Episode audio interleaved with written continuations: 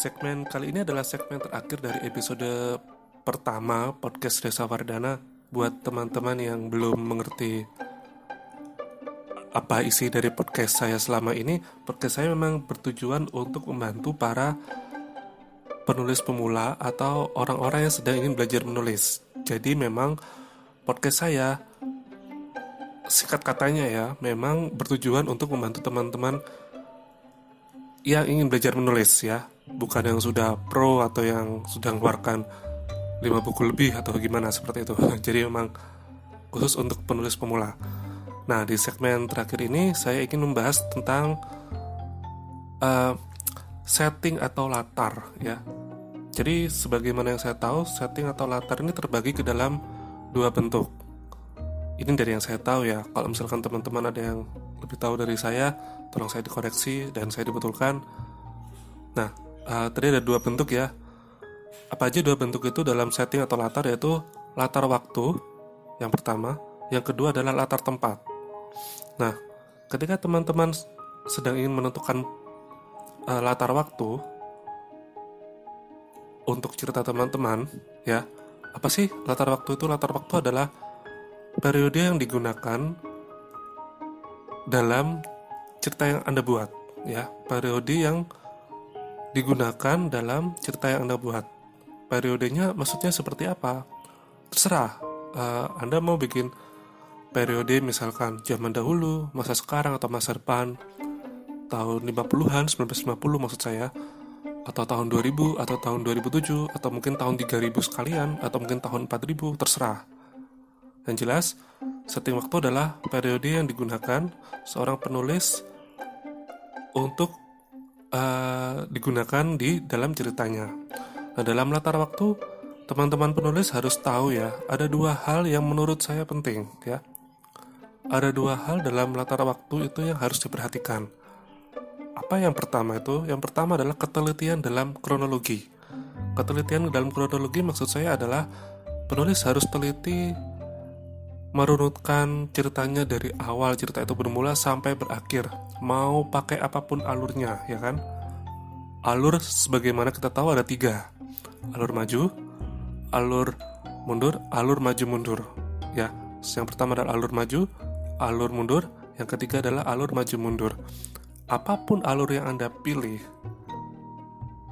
selalu cerita itu punya kronologi dari bagaimana cerita ini bermula sampai dari mana cerita ini berakhir.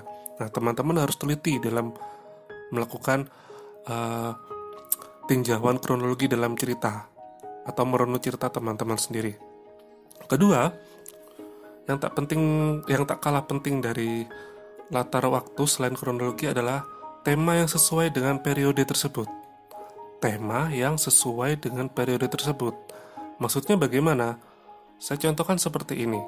Misalkan teman-teman membuat sebuah cerita Indonesia di tahun 50. Kemudian uh, kondisi masyarakatnya pasti seperti apa ya? Terus uh, mungkin masih uh, sangat kental dengan semangat perjuangan atau mungkin semangat saling bahu membantu uh, bahu membahu ya kemudian saling bantu membantu kemudian masih belum seperti seperti saat ini ya mungkin masyarakatnya nah ini temanya nah, kemudian yang tidak sesuai seperti apa misalkan uh, di tengah-tengah masyarakat di tahun 50-an itu ada orang yang sudah punya mobil seperti uh,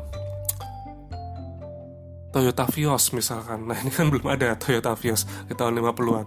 Kemudian bentuk arsitektur yang terlampau modern, misalkan bangunan tahun 2000 teman-teman masukkan di cerita tahun 1950 ah, jelas nggak sesuai ya. Jelas nggak sesuai. Jadi tema yang ada dalam periode periode waktu tersebut harus sesuai. Meskipun cerita ini fantasi ya. Meskipun cerita ini fantasi. Misalkan teman-teman bikin cerita tentang fantasi uh, tahun 2000 misal uh, tahun 2000 300 misalkan 2300 ketika masa depan gitu ya. Di masa depan kemudian uh, misalkan sudah ada mobil terbang semua orang sudah punya mobil terbang misalkan. Ternyata uh, ada yang masih mengemudikan mobil dengan uh, seperti mobil-mobil zaman dulu yang banyak kecil kemudian apa namanya hanya bisa muat untuk satu orang atau pokoknya yang sangat kuno ya seperti mobil tercipta pertama kali ini jelas nggak sesuai ya. Jadi memang tema yang berlaku pada periode tersebut harus sesuai. Itu tadi soal latar atau setting waktu. Nah kita beralih ke latar tempat. Apa latar tempat itu atau setting tempat itu? Yaitu tempat di mana cerita ini terjadi. Kalau tadi waktu kita membahas kapan ya maka setting tempat ini adalah di mana cerita itu terjadi. Nah, apa yang harus diperhatikan dalam setting tempat ini? Kalau saya pribadi, saya hanya menyarankan satu poin ya, satu poin yang harus teman-teman cermati dalam pembuatan setting tempat dan ini sedikit mirip dengan setting waktu yang poin kedua. Apa yang harus teman-teman tahu dari setting tempat ini adalah sesuaikan gaya ciri khas cerita yang teman-teman buat. Kalau bisa seragamkan, maksudnya seperti apa sih seragamkan itu? Anda misalkan membuat cerita bertema Indonesia, lalu kita kerucutkan lagi ke kota misalkan kota Yogyakarta, ya. Tempat ceritanya di Indonesia, kotanya di Yogyakarta. Tahun berapa? Tahun saat ini, tahun 2020. Nah, Bagaimana sesuatu yang gaya yang tidak sesuai itu? Teman-teman pasti yang sudah pernah ke Yogyakarta pasti sudah pernah tahu bahwa di Yogyakarta itu banyak sekali rumah-rumah yang masih bergaya kuno, ya. Rumah-rumah yang berjarak kecil-kecil atau yang berhalaman luas, kemudian bergaya kuno.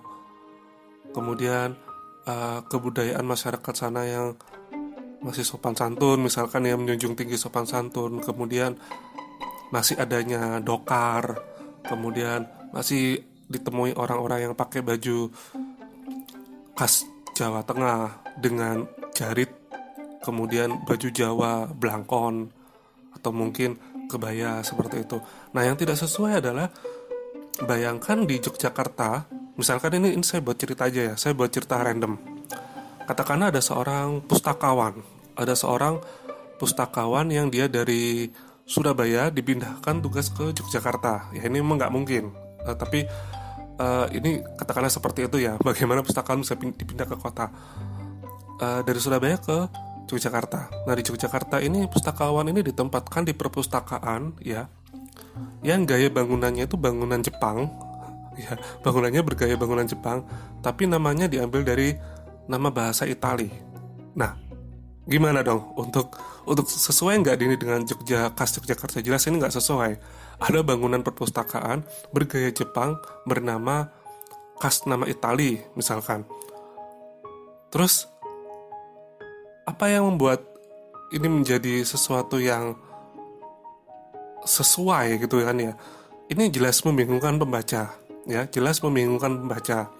Jadi kalau kita membahas latar tempat ya Sebaiknya, sebaiknya Anda tidak boleh mencampur adukan style dengan apa yang ada di real atau menjadi ciri khas utama dari tempat tersebut, lalu Anda campur adukan dengan imajin, imajinasi Anda atau selera Anda misalkan. Anda suka Eropa, kemudian uh, Anda cerita soal daerah di Papua misalkan.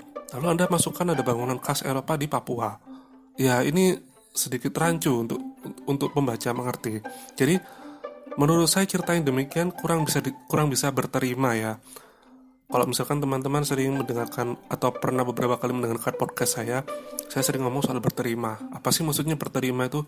Berterima, berterima maksud saya adalah nyaman dibaca oleh pembaca, ya, mudah dibayangkan, tidak susah-susah untuk uh, dimengerti. Kalaupun ada istilah ada istilah khusus, mungkin diberi catatan kaki tapi untuk sampai membuat pembaca kebingungan karena pembaca ini kan Anda harus tahu ya, Anda harus tahu membaca ini nggak bodoh. Pembaca itu nggak bodoh. Semua orang yang membaca buku Anda punya background of knowledge sendiri-sendiri. Saya misalkan ngomongin, ngomongin soal daerah Kalimantan misalkan, apa yang masih ada di Kalimantan? Suku-suku Dayak misalkan ya.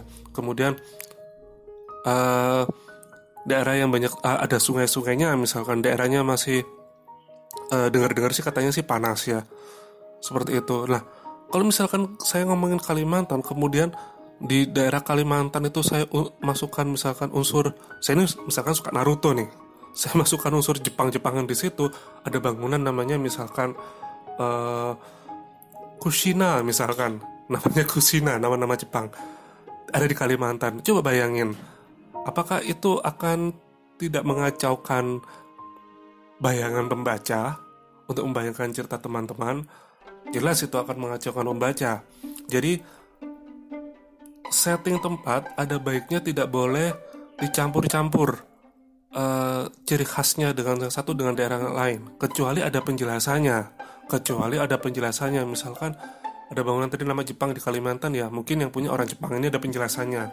Tapi uh, jika itu tidak penting hanya karena ego teman-teman sendiri penulis teman-teman sendiri tentang uh, misalkan tadi saya bilang teman-teman suka bergaya uh, sesuatu yang bergaya Eropa lalu anda masukkan ke setting tempat yang tidak sesuai dengan keeropaan misalkan ditaruh di daerah Jawa daerah Papua jelas ini akan membingungkan pembaca ya.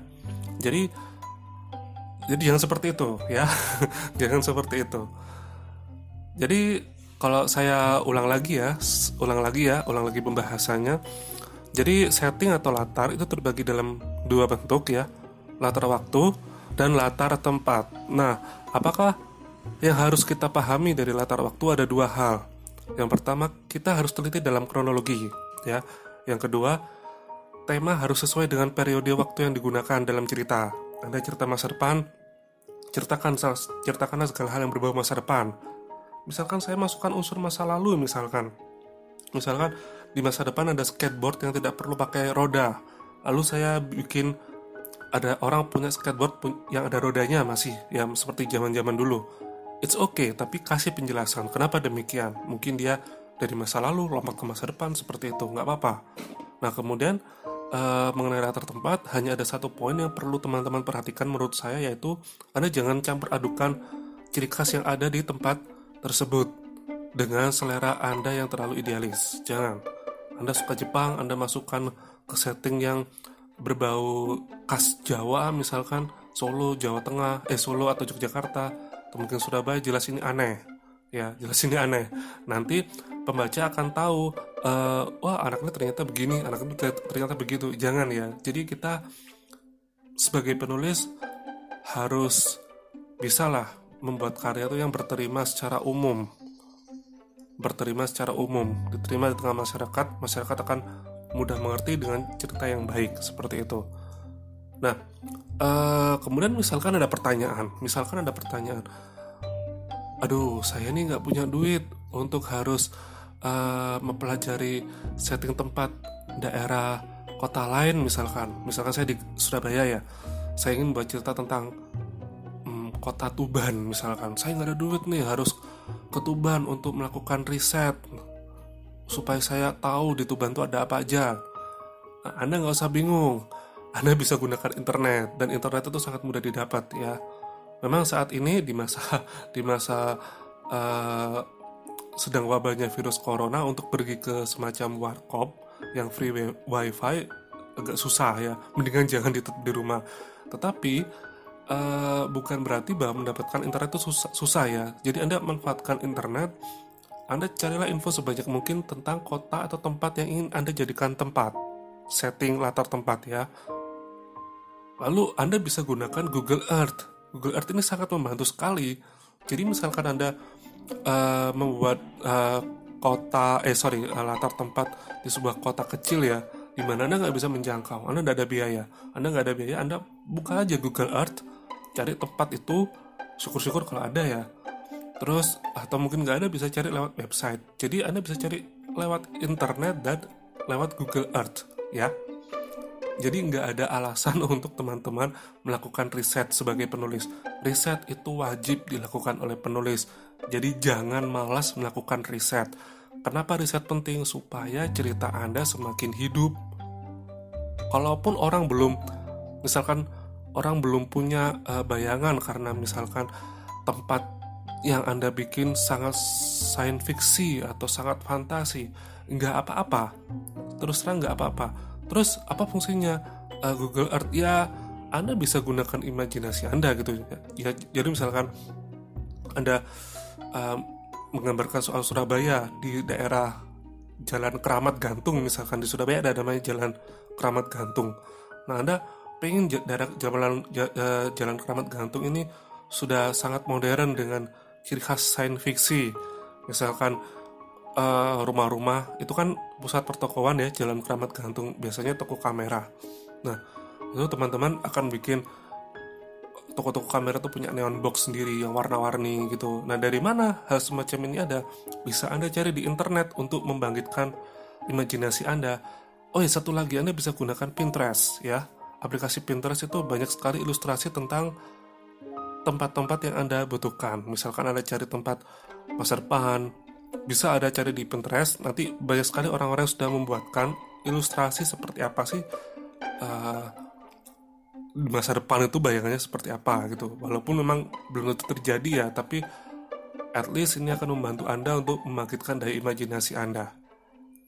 Oke semoga segmen kali ini bisa dimengerti dengan mudah dan teman-teman bisa terus semangat menulis.